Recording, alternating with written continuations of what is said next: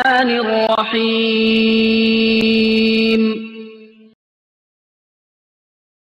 إنا نحن نزلنا الذكر وإنا له لحافظون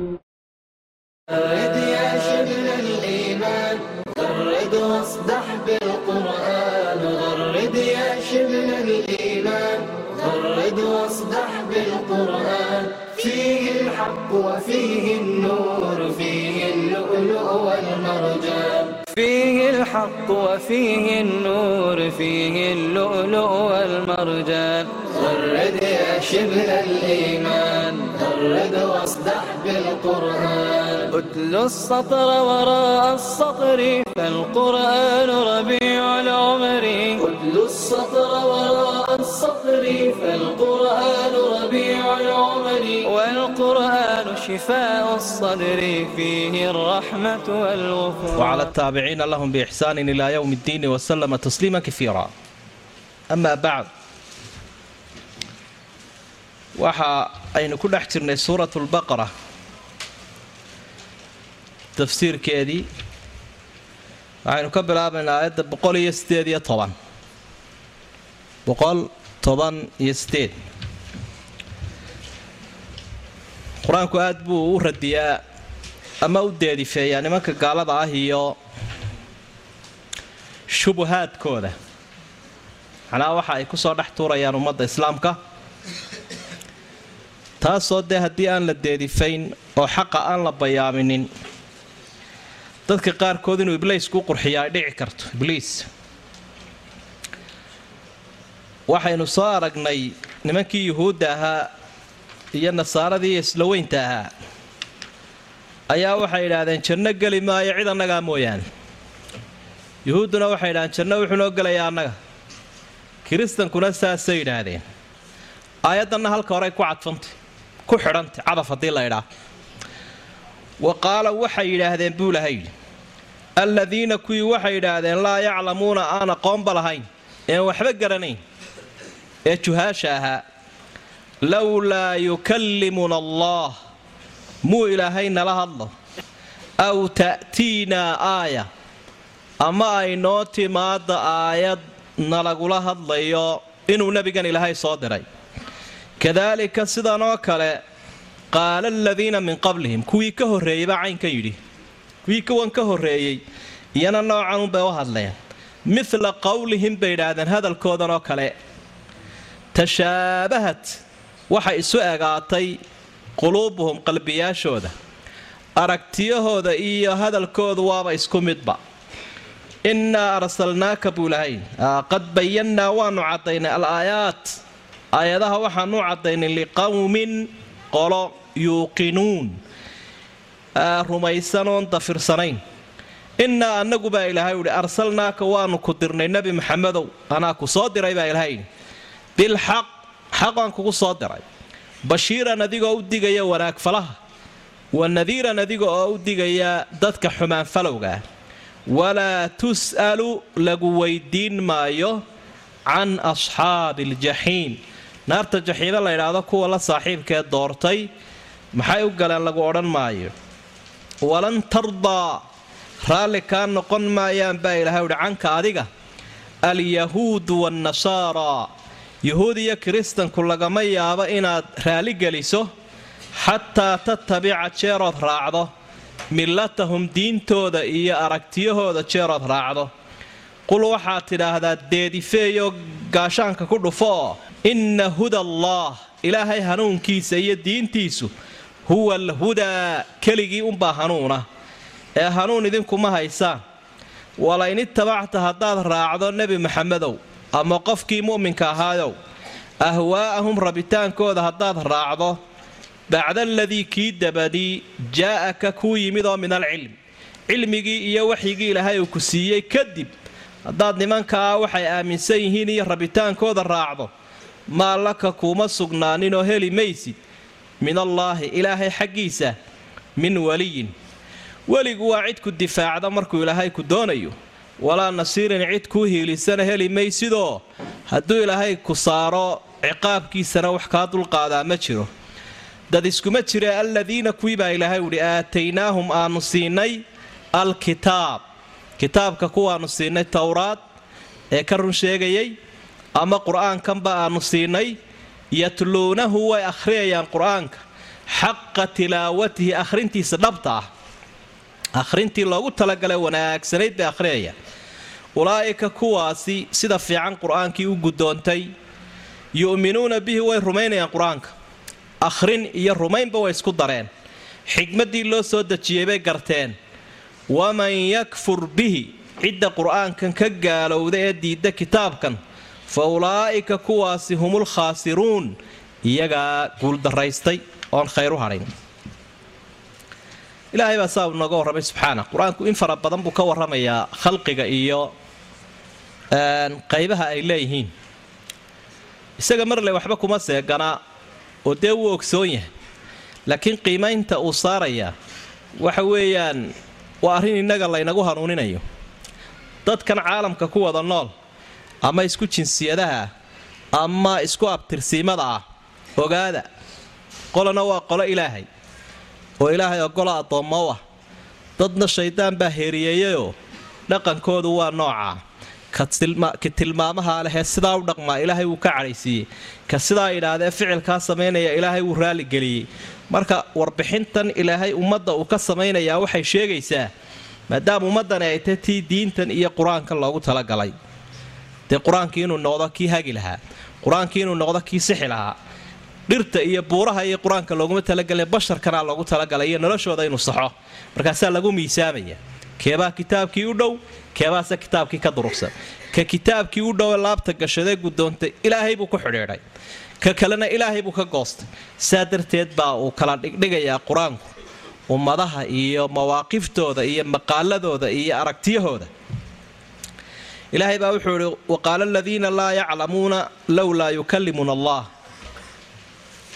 Kuwii aan cilmigalaba lahayn baa yidhi ilaahay muu nala hadlo aw ta'tiina aaya ama aayad inoo timaado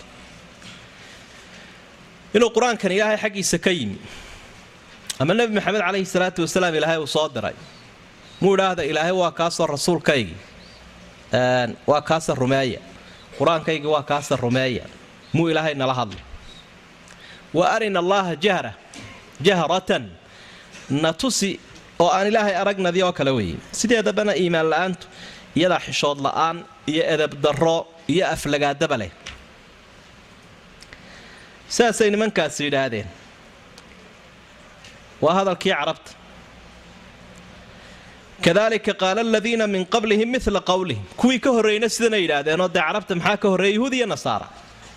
Iyaguna sidanunbay yidhaahdeen ama kuwii ka horreeyey markay suuraddu soo degaysay mushrikiintan hadlaya mushrikiin kalea ka sii horraysa iyaguna isku hadalunbaha tashaabahat quluubuhum hadalkoodiibaa qalbigoodaa isjabhay. Manaa qalbiga nasku wuxuu cayimayaa qofku ama qalbigu ka xumaada ama ka wanaagsanaadaa qofka maqaalkiisu dee fikirkiisu ka soo fulaya fikirkoodaa isjabahay baa ilahay wey marka qur'aanku marar badan buu ka warramay nimanka iyo hadaladooda waidaa jaa'atum aaya qaaluu lan nu'mina xataa nu'taa mila maa uutiya rusulullah rususha waxyigii la siiyo kaleaanu doonaynaa bay idhaah wa qaaluu lan nu'mina laka xataa tafjura lana min alardi yambuucan markaad dhulka ila biyaa ka soo butaacisun baan muxamedow ku rumaynaynaa wa qaala aladiina laa yarjuuna liqaa'ana lowlaa unzila calayna almalaa'ika aw naraa rabbana laqad istakbaruu fii anfusihim wacaatow cutuwan kabiira ama ilaahay aan aragna ama malaa'igtiisa markhaati baad u baahan tahay bani aadam ka weyn bay idhahdeen subxaan allah qad bayana alaayaati liqowmin yuuqinuun aayadaha waxaan u caddeeyay ciddii yaqiin leh qof yaqiin baadi doonaya iyo xaq waxuu ku qanaco nebi maxamed waa la siiyey calayhi salaatu oo mucjizaada ilaahay baa qanciyey nebigaoo inaanu cid kale hadalkeedu habranin laakiin uu ku socdo siduu ilaahay u soo diray. Innaa arsalnaaka bilxaqi bashiiran wa nadiiran. Xaq baad wadataa xaq baan kugu soo diray anaa kuu markhaatiya. Sifaadkaaguna waa inaad bushaaraysiya diigto. Dadka kii ku raacay waad u bushaaraynaysaa. Kii ku diiday waad u digaysaa. Sidaa weeye tilmaantaada walaa tus'alu can asxaabi aljaxiim sidaas weeye bidami taa'i cala alkhabar. Siday u badan yihiin quraadu waa sida misxafku dhigayo oo ficilkuna inuu majhuul yahay. Macnaheedu waxa weeye asxaabuuljaxiim marka aakhire ilaahay uu soo joojiyo qofna dee qof kale la weydiin maayo wixii uu galee adiga lagu weydiin maayo dadka naarta galay oo lagu odhan maayo maxay u rumayn waayeen? Maxay halkaa u mareen? Maxay naarta u galeen? Ma jiro adig ilahay baa kuu markhaati fura inaad u gaadhsiisay. Oo bashiiran wa nadiiran. Ammaanadii waad gaadhsiisay wey. Markaa lagu waraysan maayo oo lagu ciqaabi maayo taa. Kuma taalla adiga muxuu rumayn waaye. Marka halkaa waxaa ka muuqanaya innaga waxay nala gudban gaadhsiinta. Ummadda dadka diinta la gaadhsiiyo rasuulkaynu ku daba socnaa calayhi salaatu wasalaam. Sida ugu quruxda badan in loo gaadhsiiyo loo hagar baxo ammaanada la guto laakiin midhaha soo baxaya ilaahayba haya. Subxaana. In dadku ay intaas rumaysay iyo saa doonaysa inay u dhacda iyo maya midhaha soo baxaya ilaahayba haya. Saa darteed buu nebigu ka warramay calayhi salaatu wasalaam nebiyaal badanoo ilaahay uu soo dirayoo qaarkood in yaroo goosani xan yari dadka raacday. Qayb mid kale laba raaceen mid kale mid raacay mid kale nebiga la tusiyeyba maalintii ilaahay ambiyada aragsiiyey iyadoo siduu u socday aan cidiba soo raacinba. Min allaahi arisaala wa cala arasuuli tabliiq wa calayna tasliim. Ilahay risaaladuu soo diraya rusushuna way gaadhsiinayaan iyo ciddii saalixiinihii dadkuna waa inay u hogaansamaan. Walaa tas'al can asxaabi aljaxiim ayaa iyaduna jirta. Oo maaragtay tas'al waxa weeye markaa ficilkii dee amar buu noqonayaa tus'al weeye imika laakiin tas'al baa jirta macnihi markaa uu isbedelaya hadduu ficilkii amar noqdo ha waraysanin asxaabuuljaxiim oo ha odhanin maxaa loo ciqaaba ilaahayow ka daa ilaahayow naarta ka soo saar ilaahayow hebel sidan u aha ma taallo kol hadduu yahay qofkaasi la haysta ilaahay waad ka hadhaysa walaa tasal can asxaabi aljaxiim haddaba ilaahay waxa uu in badan inoo xusay qur'aanka dhexdiisa suuradahan horena aynu ku soo arkaynay niman yahuudi iyo nasaaro la ydhaahdo caalamkan wareeriyo isla weyn oo waxaana ahayn isu haysta oo shaydaanku afuufay. Kuwaasi xarbi bay kula jiraan dadka muslimiinta dagaal. Dagaalkaasi marba heer buu taagan yahay mar afkuu taagan yahay marna gacan buu tagaa. Talo maxay inagu colaadinayaan? Ma dhulka dhul aynu ka haysanaaba ma dhaqaalo aynu ka haysanaaba mae asalka dagaalkan ayaa ilaahay uu sheegay inuu xarbigani caqadiya hada alxarbu bayna alkufri waliimaan wa bayna alkufaari walmuslimiin wa bayna alyahuudi walnasaara min janib walmu'miniina aydan xarbun caqadi. Inuu yahay dagaal diineed baa ilaahay uu ka warramay. Asalkiisu waa halka ee marna wuu soo yar neefneefaa oo taa way ka sanqariyaan marna way qariyaan. Oo waxay idhahdaan mee dadku diimahooda waa u xore? Annagu diimaha iyo uma jeedno. Ayay idhahdaan laakiin wuu ka soo neefneefaya. Ilaahay baa wuxuuhi walan tardaa canka alyahuudu walanasaara xataa tatabica millatahum. Ilaa aad diintooda raacdo yuhuud iyo nasaaro kaa raalli noqon maayaan. Qofkay idaacadooda ka ammaanayaan qofkay buunbuuninayaan qofkay boos weyn u dhiibanayaan qofkay dhaqaalo siinayaan qofkay taageerayaan. Waa kalsooni inay jirto. Markay u yartay qofkaa lagu kalsoon yahay inuu diintiisii ka tegayoo hadduu doono ta nasaaradaba yuu gaadhine meel dhexe horta marayo. Markaasaa loo soo yar xeebanaya. Xataa tatabica millata saasaa ilaahay wy marka milladda laftigeedii dee waa tii aynu soo aragnay inay wax badbedeleen oo waa iska rabitaanu oo waa kaa ilaahay marka hawaabaa ku tilmaamay. Walain itabacta ahwaa'ahum hawa.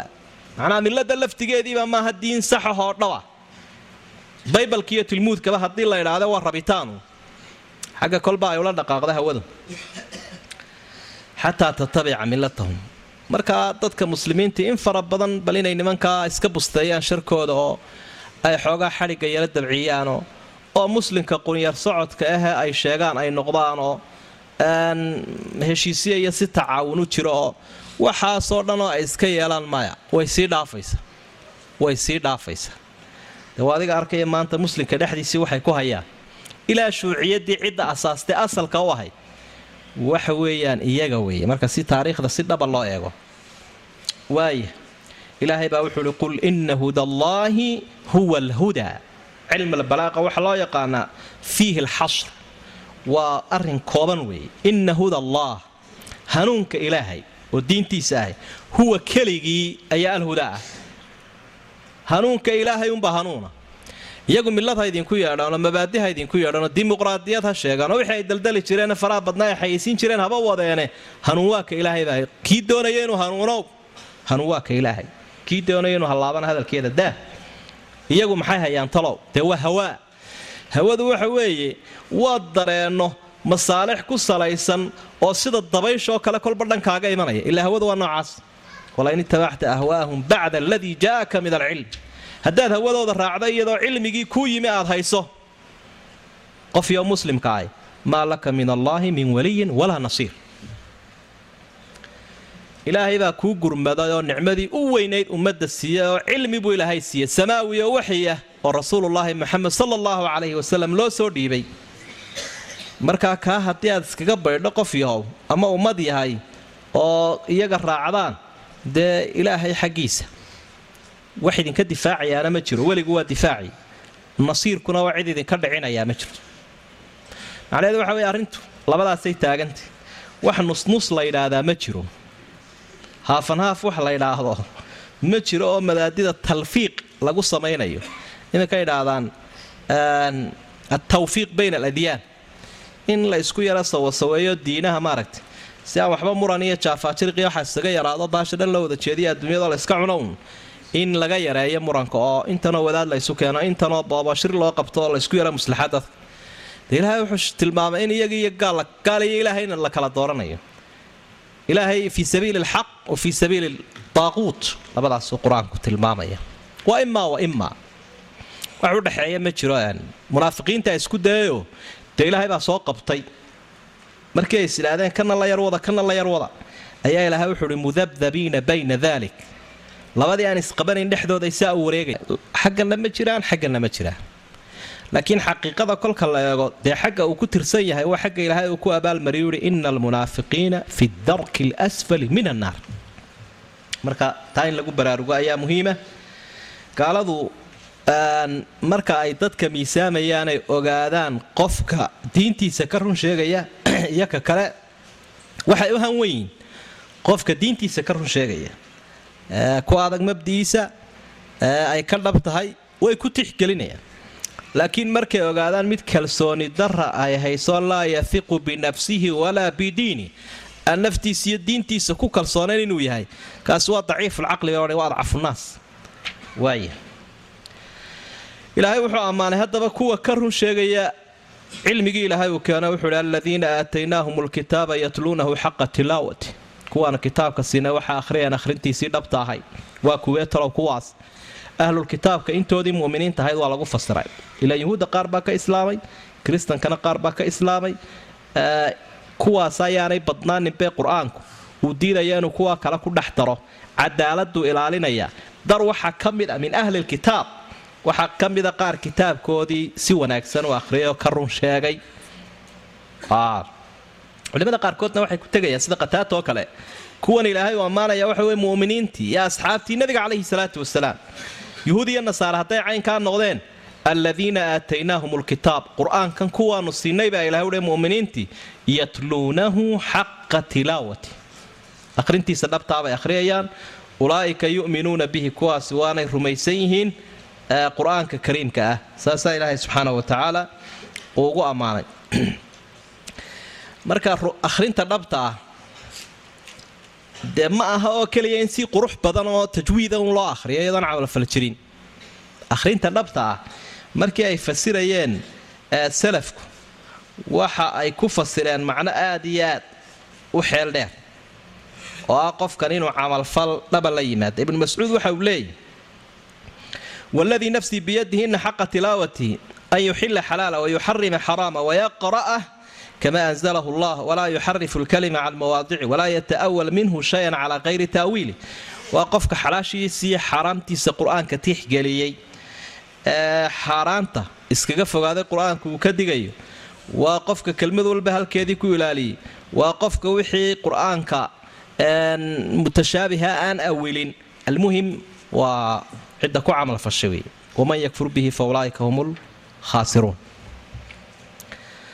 yaa bani israa'iila baa ilahay reer banu israa'iilow udkuruu waxaa xustaan. Nicmatii nicmadayda xusa baa wuli allatii ancamtu calaykum. Nicmadaasoo aan idiin nicmeeyo oon idin siiye xusa. Wa anugu fadaltukum inaan idinka dheeraad siiya cala alcaalamiin. Caalamiintao dhan inaan idinka dheeraad siiya caalamiintii wakhtiga ah. Bal taana dib u xusa. Wattaquu yowman maalinna baqda ka walaaco ka warwara. Laa tajzii aanay abaalinaynin nafsun nafi. Can nafsin naf kale shay-an waxba aanay ka bixin karayn. Naf la haysto nafina waxba kama bixin karayso. Walaa yuqbalu minha. Lagama aqbalayo naftaa la haysto. Cadlun madax furasho. Walaa tanfacuhaa shafaaca ergana waxba uma tarayso. Walaa hum yunsaruun. Loona hiilin maayo. Ilaa sagaashameeye aayadood ama in sagaashan ku dhow oo aayadood waa qadar la odhan karo saddex meeloodoo meel suuradda weeye. Ayaa ilaahay uu ka soo warramu soo dhigdhigay xaqiiqada reer banu israiil mid hore iyo mid dambeba marka aayaddanaa u dambaysa qisadii isku xidhiidhsanayd reer banu israa'iil oo khatartooda ilaha ummadda uga digayu barayayna waxay yihiin yeedhmadaasaa ilaha u yeedhay kuwoodii hore kuwii dhexe iyo kuwa imakaba nicmadaydii xusuusta baa ilaha uhi bal idinku waa gaalowdeene ina inuu wax idiin tarto inaa inuu soo noqotaan. Udkuruu nicmatii allatii ancamtu calaykum. Dadka muminiinta kolkuu ilaahay la hadlayay waxa uhi yaa ayuha aladiina aamanuu dkuru llaha dikran kaiira dadka muminiinta ah ilaahay xusa xus badan kuwanna waxa ilaahay u idhi udkuruu nicmatii allatii ancamtu calaykum. Nicmadaydii xusa. Muminiintana ilaahay aniga xusa buu. Culimadu waxay leeyiin latiifada ku jirtaa waxa weeye nimankani waa cabiid dadka qaarkood waa cabiidulmuncim dadka qaarkoodna waa cabiidunicma qofna ilaahay buu addoon u yahay. Qofna waa addoon adduunyo. Marka nimankani maadaama baashan adduunyada ahuun iimaankoodu yahay iyada afgaranayaan bal ilaahay adduunyada idin siiyey wuxuu idin siiye eegoo ku xusuusta baa ilaha u leeyahy bal nicmadan ilaaha muncimkii nicmadu idin siiye nicmada eega si aa muncimka u garataan saa darteed baa uu yidhi udkuruu nicmatii allatii ancamtu calaykum. Waxaa xustaan inaan idinka dheeraad siiyey in badanoo caalamka ka mid ah. Arrintan kuwa lagula hadlayaa waxa weeye kuwii nabiga la joogay calayhi salaatu wasalaam kuwa nicmadan iyo dheeraadkan la siiyeyna kuwii wakhtigii nebi muuse ahaan iyo ambiyadii hore. Macnaheedu waxa weye fadliga aabbaha la siiyey adna waa laguu sameeyey. Haddaad aabbaha la mowqiftay luqadii sidii loola hadli lahaa baa lagula hadlayaa. Saasaa ilaha wuli waxa uu ku gebagabeeyey rabbi. Nimankan adduunyadu jiidad ee cabiidu dunyaa noqday inuu aakhiro xusuusiyo. Qur'aankuna aad buu ugu waaniyaa dadka aakhiro. Insaankana haddii qalbigiisa aakhiro laga waayo ayaan daro ayaan daro waa haysataa lidaalik ayaa qur'aanka marka la isku dara cala aliطlaaq aayaddii ugu dambaysay waa aayad u hadlaysay sida tani u hadlayso.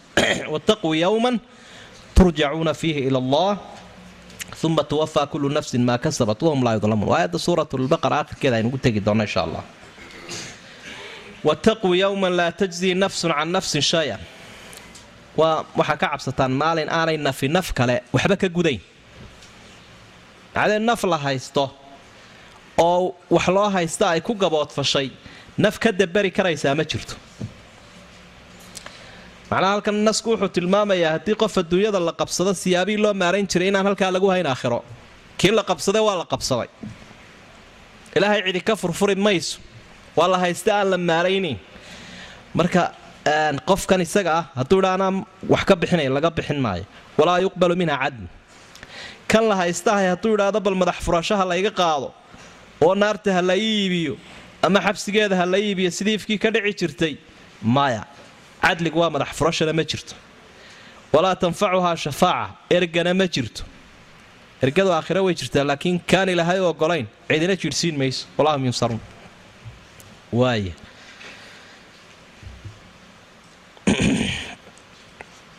waid waqti xus nebi maxamedow.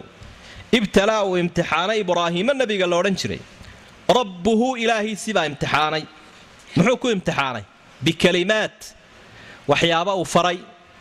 Ma'muuraat. Fa atammahun wuu dhammaystiray. Imtixaankaa wuu gudbay.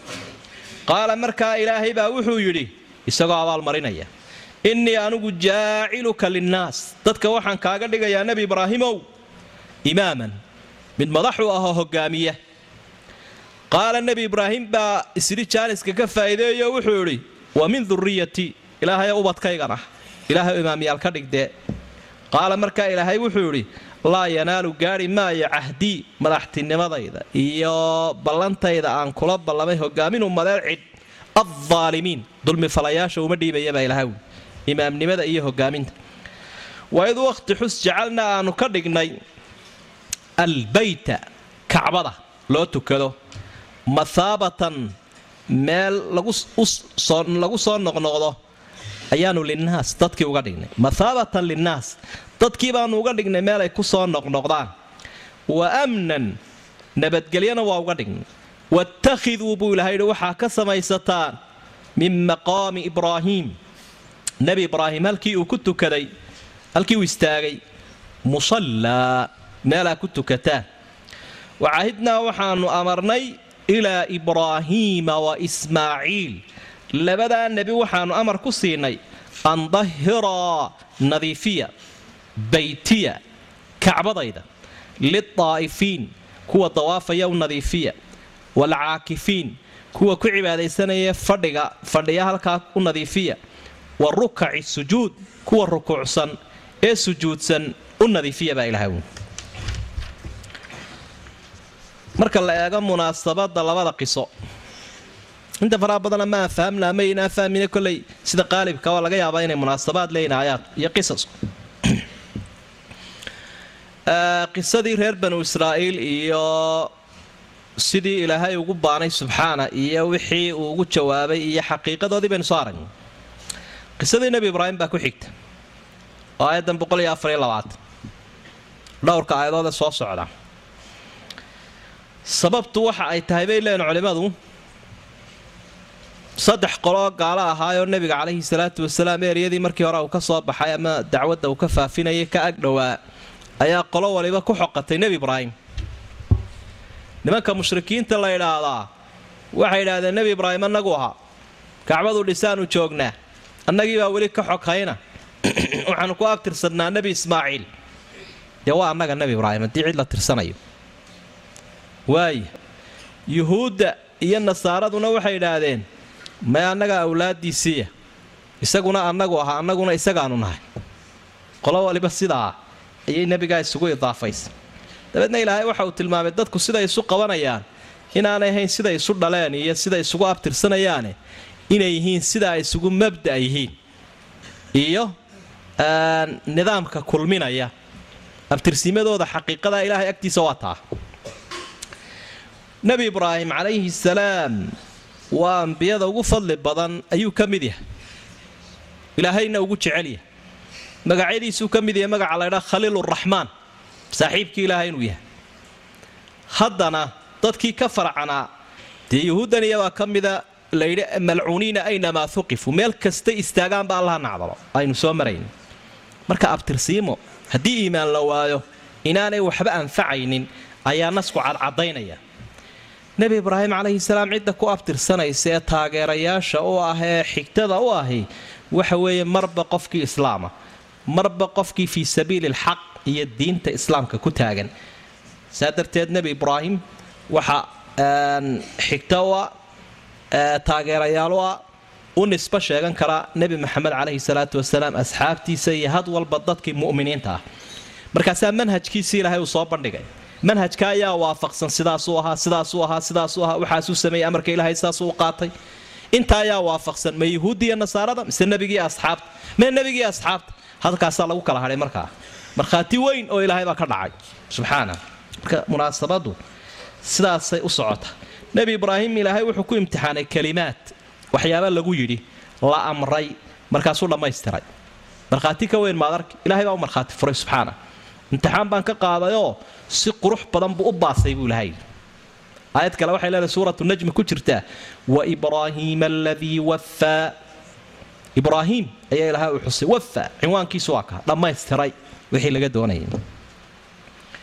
Kuwani miyay dhammaystireen oo abtirsanaya waxa anagu yahay? Maya waxalla waxay fuliyeen ma jira waa kaa ilaahay soo fadeexaday ka soo warrama waxa isweydiin leh maxaa kelimaadka la faree u dhammaystiray? Aan kaga dayanno innagana ilaahay nagu jeclaadee maxay ahaayeen? Qaarkood halkana ilaahay uu ku sheegayoo dee waxyaabahaas soo socday aad arki doonto. Baydka dhis baa layidhioo sidaa yeel oo nadiif iyo ummadda xaqa ugu baaqoosa waxyaabaha qaarkood way soo socdaan. Qaybna qur'aankaa meelo kala duduwan waxyaabihii nebi ibraahim lagu imtixaanay ayuu xusay oo waxiid fii nawci isagu uunuu la gaaryahay oo aan cid kale lagu imtixaanin waxaa lagu imtixaanay naftiisa waxaa lagu imtixaanay ubadkiisa waalidkiisa wadankiisa intaba waa lagu imtixaanay. Intabana imtixaankoodii uu ka soo baxay naftiisaa lagu imtixaanayoo dee waxa maxkamad baa la soo taagay. Markaasaa layidhi sida ugu xunaynuu dilno. Dabeedna kafad baa la saaray. Waxa lagu warfiyey dabbaxaya ayaa bartanka loo dhigay. Manuu barooranin manuu qaylinini. Halkaa isagoo saaran buu malakul jibriilin maxaan kuu qabta ilaahay ilaahay wuu arkayaa buuri mar hadduu ilaahay arkaya adiga kuuma baahni xasbiya allahu wa alwakiil dee dabkii unbaa u noqday uun doogii iyo firaash iyo meeluu ku raaxaysto. Qulnaa yaa naaru kuunii bardan wasalaaman calaa ibraahiim dabkii ilahay u qaboojay imtixaankii naftiisu ka soo baxay. Yay ku dhacdee la yidhi inankaaga mudakarka ah ee kula jaan qaadaya ee garabkaaga socda soo qabo gowrac baa layidhi intood soo qabato jiif iyo welibana u sii sheeg. Iyana waa imtixaan kale. Kala tasho inanka. Suuratu saafaad baad ka akhriyaysa markii uu jiifiyo mindidii u diyaariyey wafadaynaahu bidibxin cadiim. Shay la gowracayo oo xayawaana ilaahay u diyaariyo iska kala dhaqaajiya baa layidhi labadiinu labadiinaan isqabsaday ilahay geesi ilahay ma xile. Iska kala dhaqaajiya. Inankiina dhan buu dhaqaaqay odaygiina dhan. Kii midida loo diyaariyay inanka muu noqona shay kaleu noqday oo maaragtay ilaahay u diyaariyo waxaa lagu imtixaanay aabbihii oo la yidhi xaqa u sheeg oo odayga isla hortaag oo odaygu waxa uu kaa doonayo dhan ha ka yeelin. Dabeedna in badan buu suuratu maryam saad bilowgeeda ka akhri karaysa yaa abati yaa abati yaa abati aabbo aabbo aabba buu leeyahy markii uuse soo taagay buu odaygu mastaafur buu ku qoray. Araaqibun anta can aalihatii ya ibraahiim lain lam tantahi la arjumannaka wahjurnii maliya. Ma ilaahyaashaydii baad iminka ka hor timid buui waxaad soo socotay iyo dhaqankayaga iyo diintayadii waxaa o dhan. Haddaad caga dhigan weyda mastaafur baad ku qoranta wuu mastaafuriyey dalkiisiina saasuu kaga ambabaxay nabigaasi xataa nafsii markuu ilaahay ku imtixaanaya xadiid saxiixo bukhaari ku sugan wuxuu nebi maxamed xuseen calayhi salaatu wasalaam ilaahay amar buu ku siiyey nebi ibraahim. Waxaa la yidhi waxaan addoommahayga u jideeyay baa ilaahay u ihi shayga la ydhaahda gudniinka geedka rag laydhaa ama inan rag gudniin baan u jideeya u bilow. Nebi ibraahimo isagoo siddeetan jira. Ilaah macaynkaasaa gudin buu qaaday dabeedna gam dirqu ku baxsaday odaygu halkaasaa xadiidkaa saxiixa gudniinka raggu daliilkaa saxiixa buu leeyahy waaya imtixaankay ka mid tahay macnaha siduu amarka ilaahay ugu degdegayay iyo wax kale oo badanoo dee qur'aanka kariimkaa ilaahay uu ka warramay. Fa atamahun wuu dhammaystiray. Markuu haddaba qofku ka soo baxo amarka ilaahay iyo ilaahay waxa uu ka doonayo ee imtixaankaa cajiibka ah uu gudbo wuxuu xaq u yeeshay diin iyo dunyaba in madax looga dhigo. Wuxuu xaq u yeeshay inuu ilaahay muqarabiinta ka dhigo. Wuxuu xaq u yeeshay inuu noqdo namuudaj iyo tusaale lagu daydo oo cid waliba jeclaysato. Markaasaa ilaahay abaalmarintan uu siiyey haddaba. Qaala innii jaaciluka linnaasi imaaman. Imtixaankii kolka ka soo baxay baa ilahay uhi waxaan kaa dhigaya imaam. Imaam dee ummadda u imaamo weye waa imaam diineed. Kol hadduu imaam diineed yahay mid dunyana wuu yahay. Oo muslimku ma yaqaano diin iyo dunya la kala saaro la ydhahdo kaasina diintu madax ka yahy kaasina dunyadu madax ka yahay. Way isugu qoofalantahay adduunyadooda iyo aakhiradood. Diintiina dunyadiina waxay ilaalinaysaa diinta diintiina dunyada ilaalinaysaa kadalik dowladnimadina waa la mid. Saasaa ilaahay u doortay nebiga. Nebigu waa nebi naxariis badan. Wixii uu naftiisa la jeceliyo ehelkiisa iyo ubadkiisa ka bilaabayaa gurmadkiibuu ayuu doonay inuu la gaadho iyo khayrka iyo jaaniska ubadkiisiiyo qaala waa min duriyati ilaahay ubadkaygana imaamyaal ka dhig buui umadkaygana imaamyaal. Codsigaasuu soo jeediyay ilaah adiga ka aqbalo waa kaa guddoomaye ilaahayow duriyadaydana imaamiyaal ka dhig macnaha waa eray si kooban oo fasaaxad leh wuu u soo dhigay. Ilaahayna muxuu yidhi qaala laa yanaalu cahdii aldaalimiin imaamnimadaydaas iyo hogaamintayda iyo madaxtinimada aan cayime iyo khaliifnimadaasi gaari maysa daalin. Marka codsigiisi miyaa la aqbalay mise waa la diiday? Haddii adiga la weydiiye imtixaan lagaaga qaado? Dee duriyadaydii buu yidhi ilaahay oo imaamyaal ka dhig. Ilaahayna muxuu ugu jawaabay mee daalin kama dhigayo imaam adiga imaam noqota duriyadaada daalin kama dhigayo imaam macnaheedu waxa wey inta daalimiintaa waan diiday. Marka hore inuu duriyad dhali doono waa jirtaa. Alla u sii sheegay inay qaybsami doonaan baa ku jirta qaybta daalimiinta ah inaanay ilaahay dheef xaggiisa ku lahayn iyo calaf ayaa loo sheegay. Taa macnaheedu waxa weeye kuwooda mu'miniinta ah ee muqsidiinta iyo caadiliinta ah imaamnimadooda waan ogolahay. Macnaheedu codsigii waa la ogolay laakiin waa la saxay. Ilahay codsigiisi wuu aqbalaye wuu saxay. Sidaana qur'aanka cadaynaya meelo fara badan baa qur'aanka ilaahay uu ku sheegay subxaana in loo aqbalay nebiga. Wajacalnaa fii duriyatihi nubuwata waalkitaab fa minhum muhtadin wa kaiirun minhum faasiquun. Ubadkiisii waxaanu ka yeelnay nebinimo iyo kutub waa loo aqbalay way codsigiisa marka halkaa aayadda waxay ka faa'idaystaan culimmadu oo daliil ay u soo qaataan culimmada ka hadla siyaasadda shareecadda. In aanay daw iyo gartoona ahayn in dadka muslimiinta daalin madax looga dhigo. Oo qofka muslimiinta madaxda u noqonayaa manaasibtooda kala duwan waxaa asal oo cadaaladda ilan maxaa ka soo horjeeda dulmi. Cadaalad baa ka soo horjeeda daalinna caadil baa ka soo horjeeda marka shuruudda mas'uulka qofka u noqonaya muslimiinta waa inuu qof lagu soo xulay cadaalad cadaalad waa in lagu soo xulaa. Haddii kale ma qabanayso way ka siibanaysa. Waaya sidaa darteed ayaa qofku haddaanu cadaalad lahayn oo uu daalin lahay daalin yahay laa yasluxu an yakuuna khaliifa. Inuu madax noqdo madaxweyne u noqdo muslimiinta maya walaa xaakiman inuu garsoore u noqdona maya walaa muftiyan inuu mufti u noqdona maya walaa shaahidan markhaati inuu noqdona maya walaa raawiyan inuu wariye warka laga qaato u noqdona maya. Ku dar walaa waaliyan walaa waliyan. Inuu inantiisa weli u noqdona xataa waa la diiday. Halkaasuu iska marayo nin hallaabay dheh. Waa awr dabar la'aan dhacay baa laydhaa marka inta dabarku u soo noqonayo halkaasaa arrinkiisa lagu tiiriyey. Qaala laa yanaalu cahdi aldaalimiin waana arrinta aada u muhiimaoo qofka inta lagu dabri lahaa ee loo eegi lahaa sharci ee la odhan lahaa sharcigaa sidana sharcigiibu sidan yeela sharcigi marka u horaysaba qofka waxa u weyne loo dhigo ee hakiyaa waa iimaanka. Iimaan la helya ammaanadii way hirgelaysa. Iimaan la helya cadaaladii way hirgelaysa. Haddii iimaan la waano qofku si unbuu uga siiban doonaa wixii la soo qaadaba. Waay qaala laa yanaalu cahdi aldaalimiin culimmadu waxa kaloo ay tilmaamaan haddii iyadoo cadaaladii loo eegay oo kii ku munaasibkahaa la saaray oo loo xulay baasha madaxtinimada iyo maalku markay salaan sibay bani aadamka ula soo kacaane uu yara silanaado uu yara silanaado bal cagtaa loo dhigayo waa loo sabri doonaa. Waa kuwa markaa qaacido sheega fiqiya yuqtafaru fi dawaam maa laa yuqtafaru fi libtidaa bay yidhaah waxaa la saamaxayaa marka dambe waxaan bilowga la saamaxayn. Bilowga haddii shardi ahayd cadaaladdu oo cadaaladii lagu saaro marka dambe xoogaa faasiqnimo ah oo aan gaalnimo gaadhsiisnayn ay ka dhacdo waa la ysaga sabri waay fitnada ka weyn iyadoo la eegayo.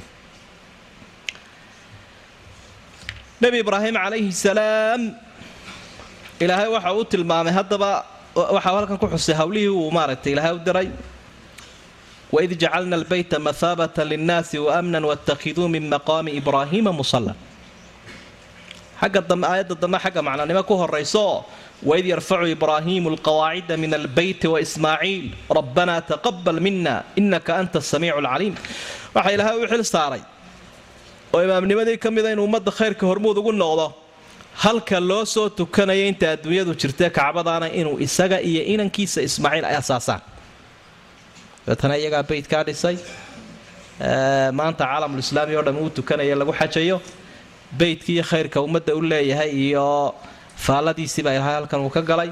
Markii uu dhisay baa lay dadka ugu baaq waadin fi bilxaji yaatuuka rijaalan wa kulli daamir yaatiina min kulli fajin camiiq. Marka howlahaasaa imaamnimadiisi waa imaamnimo markaa saad arkayso xaggii khayrka. Ah beydkii baa ilaahay uu ka warramo waxau uhi waid jacalna albeyta mathaabatan linnaas. Beytka ka warran markii aanu ka dhignay mathaaba meel lagu soo noqnoqdo fajcal afidatan min annaasi tahwi ilayhim ducadii nebi ibraahim u duceeyeyba ahayd ilaahay quluubta dadka waxaad ka dhigtaa mid u soo hilowdo oo soo jeclaysato oo marka qofku uu yimaado mar labaad inuu ku noqdo uu jeclaysto oo ku xajo oo ku cumraysto oo ka agdhowaado tiibaa ilaahay u aqbalay. Mathaaba meel lagu soo noqnoqdo wey. Oo aad arkayso sanadka labiyo tobankiisa bilood mar laga dhammaanaya inaanay jirin. Afar iyo labaatanka saacadood mar walba in cid ku cibaadaysanaysaa jirto maqaamu ibraahim. Markuu kacbada dhisayay nebi ibraahim waa halkii uu istaagay. Ilaahay baa doonay dikriyaat fi taariikh. In xusuus xagga taariikhda jirto kolkaasa halkii uu istaagay dhagaxii uu isku taagay baa labada adin la diismay sida dhoobad oo kale. Dabeedna raadkiisibaa ka sii muuqda dhagaxii. Tadawuraad bay kacbadu soo martay laakiin iminka maqaamu ibraahim meesha yare la ydhahdee kacbada ka ag taagane muraayadda ah baa dhagaxii oo xoogaa la eg. Konton sentimitr oo iskuweera. Ayaa labadiisii cagoodoo ku sawiran ayaa la dhex dhigay. Meesha yare muraayadda ah kacbada ka ag taagan marka qofku dawaafayuu ag maraya hadduu saa u eego waxaad sii arkaysaa cagihiisii oo kabihii jaangariga ahaa. Muuqaalkoodiile kabii cagba cagta ahaa oo noocoodiia oo markaa dhagaxii ka sii muuqda. Oo loogu talagalay in laga eego uun halkaas. Ila dhulkii waa la sameeye marmar baa la mariyey markaa waa laga fujiyey. Waaya bartaa meelaa ku tukataan ka dhigta. Sidii baana markaa nabigu calayhi salaatu wasalaam asxaabta uu ku horkacay sidii baana markaa loogu tukanayaa markuu qofku toddobada jeere wareeg ee dawaafka dhammeeyo. Ayay tahy labada ragcadood ee sunnaha ee dawaafka inuu halkaa ku tukado maqaamu ibraahim agtiisa. Oo maqaamu ibraahim isaga iyo kacbada u dhexeeyo iminka inta badan wakhtiga xajka iyo wakhtiga saxmadda suuragal maahaoo meeshii la dawaafayay bay ku dhacday saa darteed inuu qofku dadka dhiba maaha waa dib uga baxa watakiduu min maqaami ibraahiima musallaa waa sunna weeye. Cumar bnu khadaab intaanay aayaddani soo degin rasuulku uu soo jeediyey sala allahu calayhi wasalam arrimo dhowraha uu soo jeediyey bay ka mid ahayd. Halkaa nebi ibraahim uu istaagay armay ku fiicantay inaynu ku tukano laba ragcadood dawaafka. Sidii ilahay uu soo dejiyey subxaanah marka waa khayrkii oo dhaxal wanaagsan ilaahay uu ka dhigay nebiga calayhi salaatu wasalaam taariikhdaa fiican ee maaragtay ka hadhay waxyaabihii ilaahay uu doortay uu ku amray ee awaamirtaha uu hirgeliyaba halkan uu xusaya wa cahidnaa ilaa ibraahiima wa ismaaciil. Labadaa nebi ee isdhalay cahdi baan kula qaatay waan amray. An dahira beytiya beydkayga u nadiifiya. Maxaa laga nadiifinayaa sanamyaasha iyo shirkiga iyo cidaan ilaahayna in lagu soo qaado. Waa nadaafad macnawiya iyo mid muuqata labadaba. Labadaba waa waajib. Wixii shirkiyaada iyo khuraafaadana in laga ilaaliyo iyo diin la'aana sida kalena dee waaba la diiday wax kaloo lagu shuba iska daayo qofku isagoon daahir ahayn inuu dawaafaba. Maaha shuruudii dawaafku ku jiraa? Waxaa ku jira isagoo daahira qofku inuu dawaafo lidaa'ifiina waalcaakifiina waarukaci sujuud. Waxay isugu biyo shubanayaan saddex cibaado oo muhiima dadka kacbada ku samaynaya. Kuwa dawaafaya kuwa ku ictikaafaya iyo kuwa ku tukanaya. Iyo maa fadli badan saddexdan aayaddu ay xidhiidhisay. Saddexduba way fadli badanyihin qolyaha qaarkood waxay leeyiin dawaafka ka fadli badan maadaama ilaahay halkan uu horraysiiyey ayaa ka fadli badan labada kale. Laakiin intuba waa wada fadli badan waayo salaadiiba boqol kunoo salaadood inay u dhiganto ayaa rasuulku sheegay sala allahu calayhi wasalam alrukacu sujuud. Ilaahay ma odhanin almusalliin kuwa tukanaya. Laakiin muxuu xusay rukuucda iyo sujuudda? Waa labada meelood ee aad u muhiimka ah ee addoonku marka uu ku jiro ay ka muuqanayso addoonnimadu kolkuu ilaahay dartii u fooraro. Kolkuu ilaahay daraaddii foodiisii sharafta badnayd dhulka ugu hayo waa laba meeloodoo addoonnimada qofka aad u xaqiijinaya. Waid wakhti xus nebi maxamedow qaala ibraahiimu nebi ibraahim baa wuxuu ihi rabbi ilaahaygiyow ijcal waxaad ka yeeshaa. Haadaa kacbadan baladan aaminan beled aamina. Deganoo xasiloon. Warsuq ahlah deegaankiisana waxa aad ku raashintahay ood siisaa min athamaraat ilaahu midha ku arsaaq man aamana minhum cidda mu'miniinta noqotee iyaga ka mid ah bilaahi ilaahay rumaysa walyowmi alaakhir maalinka qiyaamaha rumaysa ilaahay iyo aakhiro kuwa rumeeyey ilaah kuwa arsaaqadaada sii qaala ilaahay wuxuu idhi waman kafara ka gaaloobayna fa umaticuhu qaliilan waman kafara ka gaaloobayna iskaga dar xagga arsaaqada u diidi maaye fa umaticuhu qaliilan.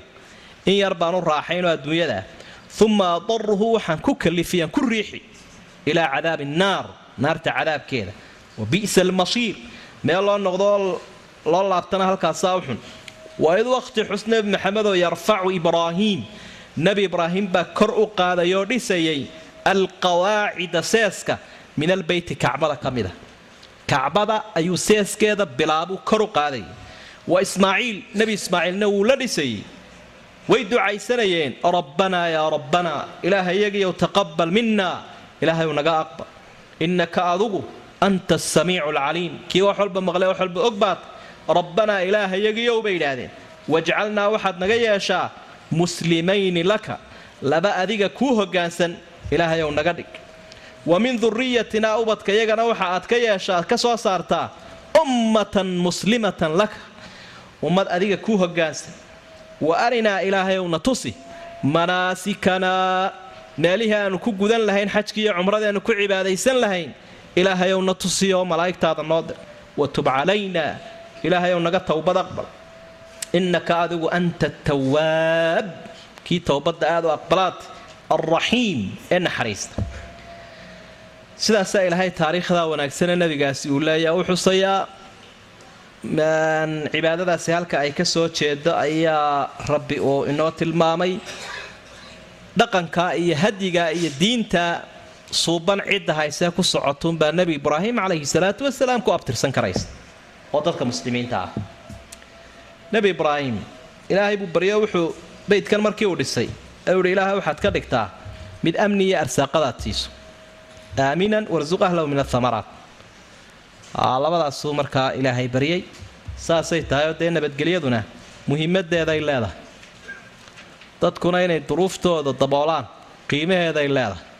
Dadku hadday nabadgelyo iska haystaan laakiin faqri iyo duruufi ay haysato iimaanku inuu ka khalkhalaaba laga yaabaa. Hase in badanoo muslimiinta ka mid a ilaahay oo halkay ka odhan lahaayeen waxay leeyihiin wadan hebelow noo soo gurmoo nacaaw ayay odhanayaan. Ama faylkiiba xaggaa ula kaleheen marka faqriguna gobonnimadu lumiyaa iimaankana waa daciifiyaa saa darteed buu nebigu ilaahay ka magan galay. Aaminan warsuq ahlahu min athamaraat ilaahay oo amni iyo arsaaqad isugu kaayo daro wadankan aaminna ka dhig arsaaqad wanaagsanna sii. Labada arrimood way islaasimaanoo ma kala hadhaan. Oo had iyo jeer haddii amni xuma ay timaado dee arsaaqad xumaa timaada leannahu dadku way qaxayaanoo qaxoontiiyo caydh baa islaasimaa. Taamana waynu ka waay aragnay labadaasa dadku barakacaduu ku yimaado waxa iyaduna iska dhacda waxa la yidhaahdo faqriga iyo arsaaqad xumada waaya isaga waxaad arkaysa haddaba ducadiisa bal u fiirfiirsooo halkanoo qura ayuu arsaaqad u weydiiyey ubadkiisa iyo ummadda halkaa degan. Inta kale iimaan iyo islaamnimo iyo diin ayay ducadiisu u badantay bal u fiirso u dhabagal marka hore waxay tusinaysaa addoonku inuu han weynaadoo ilaahay adduun iyo aakhiraba weydiisto. Leannahu labadaba ilaahay baa haya. Intaad adduunyo unay kaaga dhegi lahayd aad adduunya un qabsan lahayd de ilaahay adduun iyo aakhiraba isaga haye. Rabbanaa aatinaa fi dunya xasana wa fi laakhirati xasana. Labada weydiiso labadiiba wuu isku daray. Laakiin ducadu waxa ay u badanaysaa qofka inuu ilaahay diintiisa u hagaajiyo iyo aakhiradiisa waayo adduunyadii qofkaaba iskaga buuxsan inuu raadiyo oo baadi doono isagii baabaan ka fadhiisanayninba. Waaya waxaa kaloo qisada aynu ka faaidaysanaynaa amnigu waxa uu leeyahay muqawamaad waxyaaba asaasiyaadahoo dee arkaanaho uu ku taagan yahay. Markaa tiibuu dabeedna xusayoo waa kaa ka sii warramay waxyaabaha maaragtay diinta. Amnigu muqawamaadkiisa iyo asaasiyaadkiisa ayay ka mid tahay iimaanka iyo cadaaladda. Cadaaladda waa laga maarmaan weeye. Horaynu u soo maraynay qaala laa yanaalu cahdi aalimiin haddii dulmi meeshii yimaado amnigiina wuu xumaanayaa iimaankiina wuu xumaanayaa hanuunkiina wuu xumaanayaa. Saasaa ilaahay uu ku xusay aayadda labiyo sideetana suurat lancaam aladiina aamanuu walam yalbisuu iimaanahum bidulmin ulaa'ika lahum lmnu wahum muhtaduun aladiina aamanuu dadka muminiintaabaa ilahay walam yalbisuu iimaanahum bidulmin iimaankoodiina aan ku dhex darin dulmi ulaa'ika lahum lamnu kuwaasaa amniga helaya wahum muhtaduun kuwaasaana hanuunaya marka hanuunkii iyo nabadgelyadiiba cadaaladda ayaa ilaahay uu ka dhigay haddii cadaalad la waayo dee dad baan la waayaynin iska qarxa oo markaa infijaaro oo nabadgelyadii lumiya saasaa markaa xaqiiqada jirtaa waa taas weeye. Nebi ibraahim calayhi salaam markii hore waa kii ilaahay saxay. Kolkii uhi ilaahay ubadkayga imaamnimadii iyo hogaaminta ku dar. Aniga aadi siisay. Daalinka ka reeb baa layidhi daalinkiibuu ka feejigan yahay haddaba. Daalinkiibuu ka feejigan yahayoo markuu amni iyo arsaaqad ummadiisii u weydiiyey ayaa wuxuu idhi man aamana minhum billaahi walyowmi alaakhir ilaahw kaan u ducaynayaan arsaaqada ku weydiinaya waa ka iimaanka leh gaalku ha calafka oo wey dabeedna ilaahay baa wuxuu u sheegay xikmadiisoo qaala waman kafara. Maya ka gaaloobayna iskaga darbaalay baashan adduunyada ah ilaahay gaal iyo islaamba wuu siiye oo waxbay ka cunayaane. Kaana iskaga dar.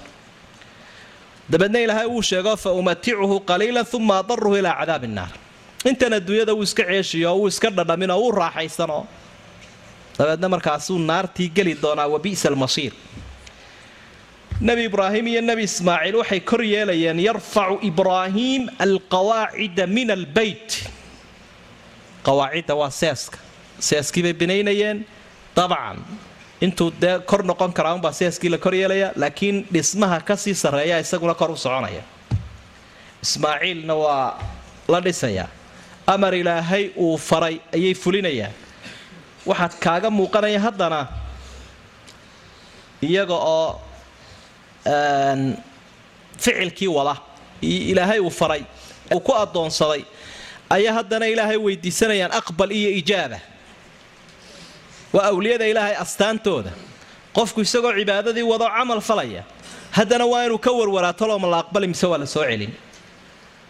Innamaa yataqabbalu allaahu min almuttaqiin ilaa aqbalkiibaa taqwada ku xidhanay qofka muminka waa inuu idhahdaa ilaahw iga aqbal ilaahw iga aqbal markaasay leeya rabbanaa taqabal mina inaka anta asamiicu alcaliim ilaah wixii aadna fartay waa fulinaynaae ilaahw naga aqbal ilaahayna wuu ka aqbalay wuu ka aqbalo waa taa loo aayay waaya way ducaysanayaanoo wixii u weynaaba ilaahay weydiisanayaan nicmo ilaahay addoommaha siiyo oo islaamnimada ah. Rabbanaa wajcalnaa muslimayni laka wamin duriyatina ummatan muslimatan laka. Ilaahay uu naga dhig laba kuu hogaansan ubadka yagana ilaahay uu muslimiin kuu hogaansan ka dhig. Markaa aayaddu waxay caddaynaysaa cidda u abtirsan karta nebi ibraahim waa ciddii magacaa la baxday. Walaa tamuutunna ilaa wa antum muslimuun baynu xagga dambe ku arki doonaa.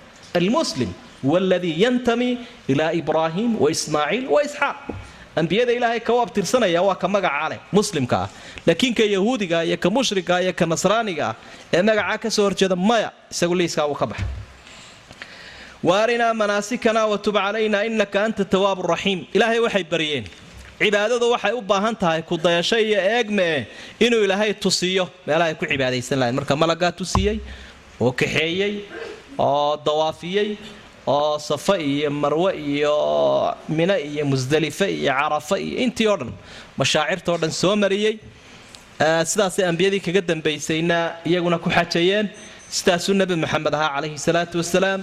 Isaguna maalintii xajatulwadaac buu lahaa. Khuduu cannii manaasikakum. War iga qaata idinkuna waanigaasoo manaasigtiinnii waan idin tusaya meelaha ku cibaadaysan lahaydeene iga koobigaray oo iga qaata marka waa cibaado itibaacaasay u baahantay. Mansagu waxa weeyaan waa makaankii nusuguna markiisa hore waa qusligaa la ydhaahdaa nasaktu thawba maradiibaa nadiifiyey.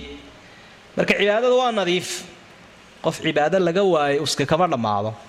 Weligiiba tayr kasta ha isku maydhiyo shaamboo kasteeh kama dhammaado uskag si uunbuu maramadoobe u yahay. Wa arinaa manaasikana marka qofka meelaha ku cibaadaysanaya manaasigta iyo mashaacirtaasa ilaahay uu ku nadiifinaya. Subxaana. Marka qur'aanka kariimkaa sidaynu ku haynaya axaadiidta saxeexaaba wakhtigii ugu horraysay ee la dhisay kacbada waxaynu halkan ka fahmaynaa inay maaragtay tanun baynu haynaa. Nebi ibraahim inuu dhismaha u horreeyey kadibna waxaa dhisay quraysh nimankii la odhan jiray? Markaasaa kacbada intay si noqotay iyo kharibantay bay yidhahdeen aan dib u dhisno. Wakhtigii rasuulku sala allahu caleyhi wasalam uu yaraa. Waa kii dabeedna intay isku khilaafeen nebigu. Arrintoodii soo dhex galeen dhexdhexaadiyey. Berigaasaa la dhisay. Laakiin dhismii nebi ibraahim bay wax ka bedeleen. Ilaan diintii nebi ibraahim inteedii badnayd way ka tegeene. Wuxuunbay ka sii yala hahayeene intan iminka dayrkan yara gaaban ee kacbada dhinaceeda ah. Berigaasay ka soo jareen. Albaabka kacbadu dhulku ahaan jirae kor bay laba mitir u qaadeen. Laba albaab bay kacbadu lahayde albaab quray u sameeyeen. Waxaasoo dhan waxay doonayeen inay ka waageertaan ay dadka ku cunaqabateeyaan. Markaasaa dabeedna qofka ay doonayaan inuu galo ayuunbaa geli jira dee meel albaabkeedu laba mitir kor u kacsanyo sallaanno lahayn. Dee ninka sallaanka loo dhigunbaa gelaya dadku markay yimaadaan sallaankaasay ka haysanayaan iyaga isafkartaan bay sallaanka udhigayaan kii kalena waa bilaa sallaano iska agmaraya. Waxay uga soo gaabiyeen intaa. Waxay yidhaahdeen war kacbadii ilaahay baynu dhisaynaaye. Xoolo xalaala maxaynu haynaa. Quraysh bala la ururiyo. Nabiguna wuu yara calayhi salaatu wasalaam waqhtigaasoo lama soo dirin lacag baa la soo ururiyo oo la iska baadi doono. Intaa wax dhisa ayaa wax xalaala la helay. Wixii kale wax la dhacay iyo wax riba iyo wax geelqaadah iyo waxaas isugu biisho bal hadda iyagii way cunayaan. Kacbadiina way ka ilaalinayaan. Waa nooc sibqada waa dareen jahli ku yara daba leh.